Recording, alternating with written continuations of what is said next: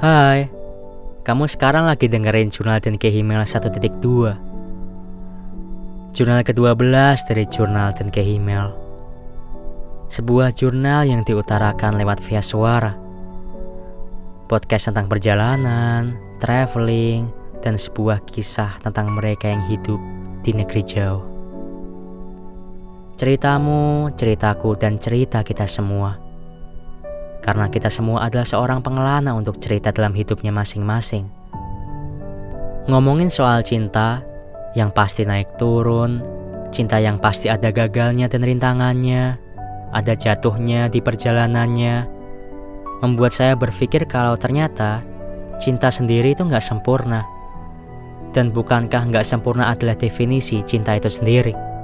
Seperti kata A.A. Mansur, ketika ada yang bertanya tentang cinta, Apakah sungguh yang dibutuhkan adalah kemewahan kata-kata atau cukup ketidaksempurnaan kita? Jurnal 12 We Are Fallen Full in Love is Beautiful Karena terkadang saya merasa kalau yang saya suka dari jatuh cinta adalah momen ketika saya merasa goblok dan merasa bego. Jurnal podcast ini seperti biasa ditulis oleh Dan Kehimel itu sendiri. Orang yang selalu gagal dalam percintaan Entah karena memang dia nggak tahu apa artinya mencintai, entah karena memang dia orangnya biasa aja, sehingga pada akhirnya nggak ada yang terlalu tertarik sama dia.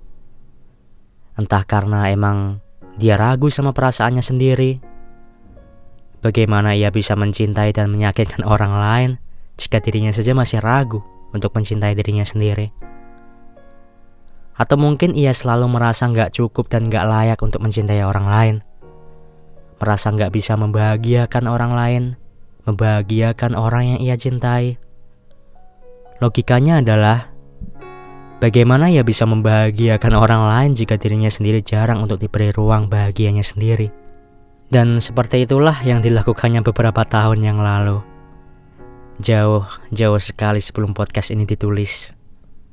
Jauh-jauh sebelum akhirnya ia bisa sedikit demi sedikit mencoba mengungkapkan dan mengeluarkan isi hatinya melalui Denke Himmel. Tepat lima tahun atau enam tahun yang lalu setelah podcast ini dirilis dan kamu dengarkan sekarang, ia baru mencoba untuk mencintai orang lain. Dan sialnya orangnya sudah tidak ada di jangkauannya sendiri. Jadi bagaimana bisa seseorang baru mencoba bersungguh-sungguh untuk mencintai orang lain padahal orang ini udah berpisah. Dan ia udah nggak bertemu dengannya lagi selama beberapa tahun.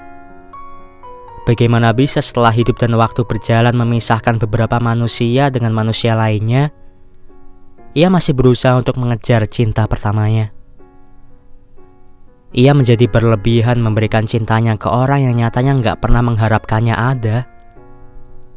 Mungkin ketika ia ditanya, kenapa sampai segininya, kenapa sampai berlebihan, kenapa random dan gak jelas banget, ia akan menjawab, orang lain gak akan pernah mengerti. Karena jauh-jauh di lubuk hatinya sendiri, ia hanya menjawab kalau apa yang dilakukannya di kala itu adalah hal terbaik yang ia bisa beri ke dia. Karena nyatanya pada saat itu ia tidak bisa melakukan apa-apa. Dan ia berpikir kalau hidup akan terus berjalan. Dan kesempatan untuk melakukan ini mungkin hanya waktu itu aja. Karena mungkin mungkin ia akan pergi jauh lagi, lebih jauh dari sebelum-sebelumnya.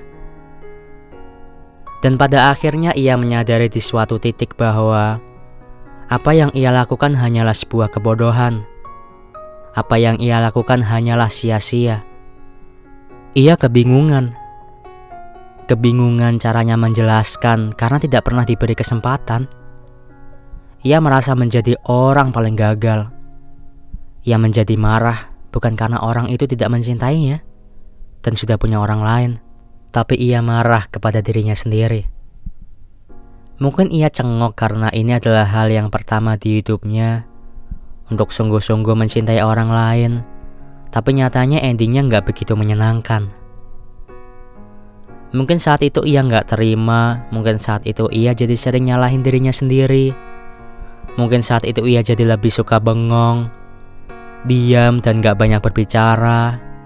Iya, Mungkin ia masih anak kecil lah ketika itu. Meskipun sekarang juga belum dikatakan dewasa dan ia nggak suka dijuluki sebagai orang yang dewasa. Karena sifat anak kecilnya masih ada. Atau mungkin memang sifat anak kecil nggak pernah hilang di dalam diri seseorang yang sudah dewasa. Ia akhirnya merasa dan belajar kalau pada akhirnya jatuh cinta itu biasa aja sebenarnya. Karena waktu itu rasanya kayak mau kiamat. Cuman setelah waktu berlalu, Lewat setahun, dua tahun, ternyata biasa aja. Patah hati ternyata biasa aja. Setelah itu yang ngalamin patah hati lagi yang kesekian, lebih berat lagi, lebih rumit lagi. Tapi selamat juga gitu pada akhirnya karena itu bukan akhir dari dunia kalau ia patah hati. Ia udah nggak punya tenaga lagi buat ngeladenin hal-hal yang nyakitin. Kalau ada yang bikin sakit, paling dia cuma senyum sambil bilang, Udahlah nggak apa-apa. Saya udah nggak punya tenaga lagi kayaknya buat ngurusin hal yang nggak penting. Dan ia baru bisa nikmatin sedihnya di fase yang sekarang. Dulu mungkin ia kalut banget, dulu pengennya dilewatin bukan dirasain. Dan ia sadar kalau pada akhirnya ada alasan kenapa perasaan itu dinamakan perasaan karena cuma dirasakan dan gak bisa dilogikain. Dan di sinilah ia menulis naskah jurnal ke-12 di depan laptopnya. Membukanya dengan cerita-cerita yang sudah berlalu, cerita yang sudah lama dimakan waktu, cerita yang ia sendiri juga gak ngerti, cerita yang sama sekali ia gak tahu arahnya ke mana. Tapi ia juga gak pernah bisa berbohong. Kalau semua yang ia ceritakan tadi entah itu hal yang menyenangkan atau hal yang menyedihkan, semua itu akan tersimpan indah di hatinya sendiri. Maka dari itu ia menuliskannya di jurnal ke-12 ini, hanya untuk mengabadikannya. Karena pada akhirnya, di suatu waktu, manusia akan lupa pada akhirnya, bahkan dengan namanya sendiri. Kadang ia senyum-senyum sendiri, kadang ia tiba-tiba merasa marah, Kadang-kadang ia merasa menyesal, tapi terkadang ia juga merasa bahwa itu seperti anugerah. Ia kembali teringat dulu mungkin ia sering nyalahin cinta itu sendiri karena tidak memberi hal yang baik kepadanya. Ia merasa bersalah ketika cintanya nggak jadi cerita yang sempurna. Ia merasa bersalah ketika ia merasa bego dan bodoh dalam mencintai. Dan sekarang Justru ia merasa di titik ini kalau yang ia rindukan dari jatuh cinta adalah di saat ia merasa bego, merasa goblok, di saat ia merasa bodoh sama yang namanya cinta. Maka dari itu ia memberi judul jurnal ke-12 ini We are fallen full at love and it's beautiful. Ia tersadar kalau yang ia suka dari jatuh cinta adalah momen ketika kamu merasa goblok, kamu merasa bego, kamu tahu gak sih perasaan ketika kamu kangen nih sama orang, terus kamu pengen ngontak tapi takut ganggu, tapi kamu kangen? Atau ketika kamu pengen ketemu dia, kamu habis mandi nih, bingung mau milih baju, kamu panik, kamu deg-degan, atau ketika kamu jadi sering ngaca-ngaca sendiri. Gue keren gak ya? Gue keren gak ya di mata dia? Membayangkan skenario-skenario yang terjadi ketika ketemuan, Momen ketika kamu deg-degan waktu tatap-tatapan mata. Momen ketika kamu senyum-senyum sendirian dapat pesan manis dari orang itu. Momen ketika kita jadi bego dan gak bisa ngendaliin diri.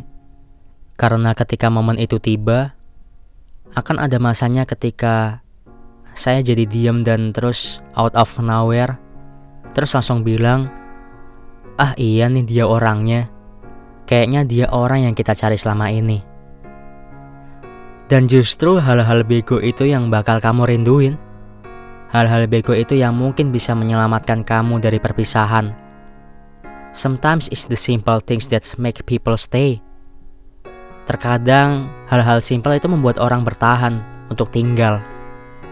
Ketika kamu mungkin punya hubungan sama orang dan di suatu saat kamu punya masalah sama dia dan mau menyerah, kamu keinget, oh iya ya di masa lalu dia itu orang yang saya inginkan sekali. Saya udah melewatkan masa-masa menyenangkan sama dia. Saya pernah ngaca sambil nyengir-nyengir sendiri sambil menerin kancing yang belum dikancingin sebelum ketemu dia. Saya pernah ngabisin waktu sama dia. Dan ketika kamu dulu bareng dia, kamu merasa cukup di dia. Kamu udah gak peduli persepsi orang lain. Kamu udah gak peduli sama asumsi orang lain. Kamu udah gak peduli sama apa pun di dunia ini. Kamu udah gak pengen apa-apa di dunia ini karena kamu cuma ingin sama dia. Iya, lagi-lagi hal-hal simpel dan sederhana itu membuat orang bertahan untuk tinggal. The simple things that make people stay. Dan ternyata perkataan seseorang yang bilang kalau Cinta yang sederhana akan menemukan tuanya. Itu bener banget.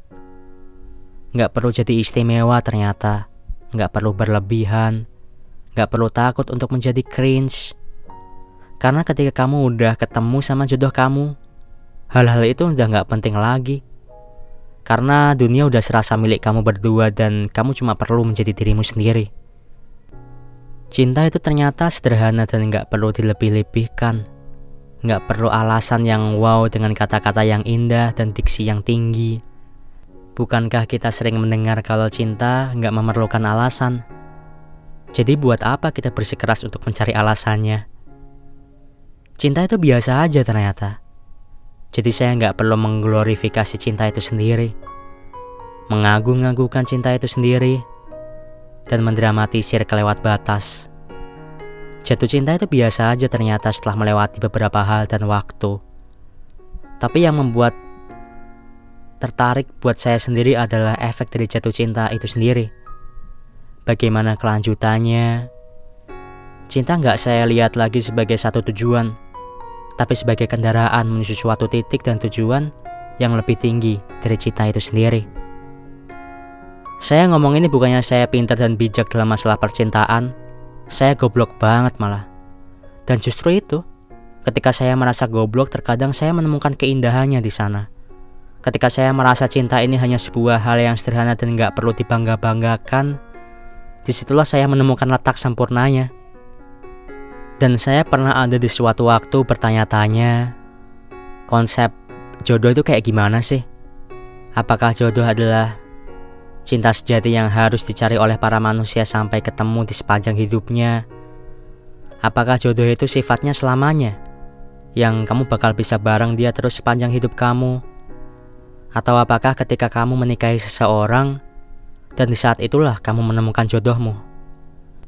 Saya mencari jawaban tentang apa sih definisi jodoh itu sebenarnya. Kenapa orang-orang sibuk nyari itu di sepanjang hidupnya? Seolah-olah itu adalah salah satu bagian hidupnya yang penting. Saya juga nggak tahu kenapa saya bisa sok-sokan buat nyari artinya padahal punya jodoh juga belum. Ketika di suatu pernikahan, kita sering banget dengar orang-orang ngomong sambil ngucapin selamat buat pengantin baru. Selamat ya udah nemuin jodohnya. Wih, selamat akhirnya ketemu juga nih jodohnya. Oh, kamu jodoh juga nih sama dia akhirnya. Tapi lucunya, lucunya nih ya, ketika ada sebuah perceraian, orang-orang bilang, udah nggak apa-apa, berarti emang bukan jodohnya.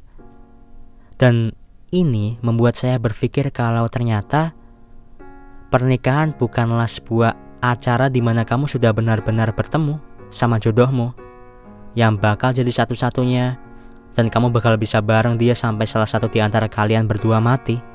Atau mungkin kita bisa tahu dia jodoh apa enggak ketika dia bisa bareng nih sama orang sampai salah satunya mati duluan. Dan di situ kita baru bisa ngomong kalau si A yang mati itu jodohnya si B. Ya karena mereka bisa bareng terus sampai mati dan nggak ada perceraian, nggak ada perpisahan. Bukankah jodoh adalah orang yang menemani sampai mati? Dan membuat saya berpikir kalau saya bisa tahu dia jodohnya apa enggak kalau sudah bertemu garis finish dari sebuah kehidupan, yaitu kematian. Tapi sialnya lagi, teori ini dibantah lagi sama pemikiran saya sendiri.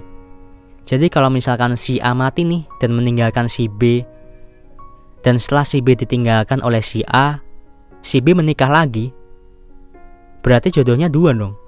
Bukankah jodoh adalah satu orang doang, just the one and only?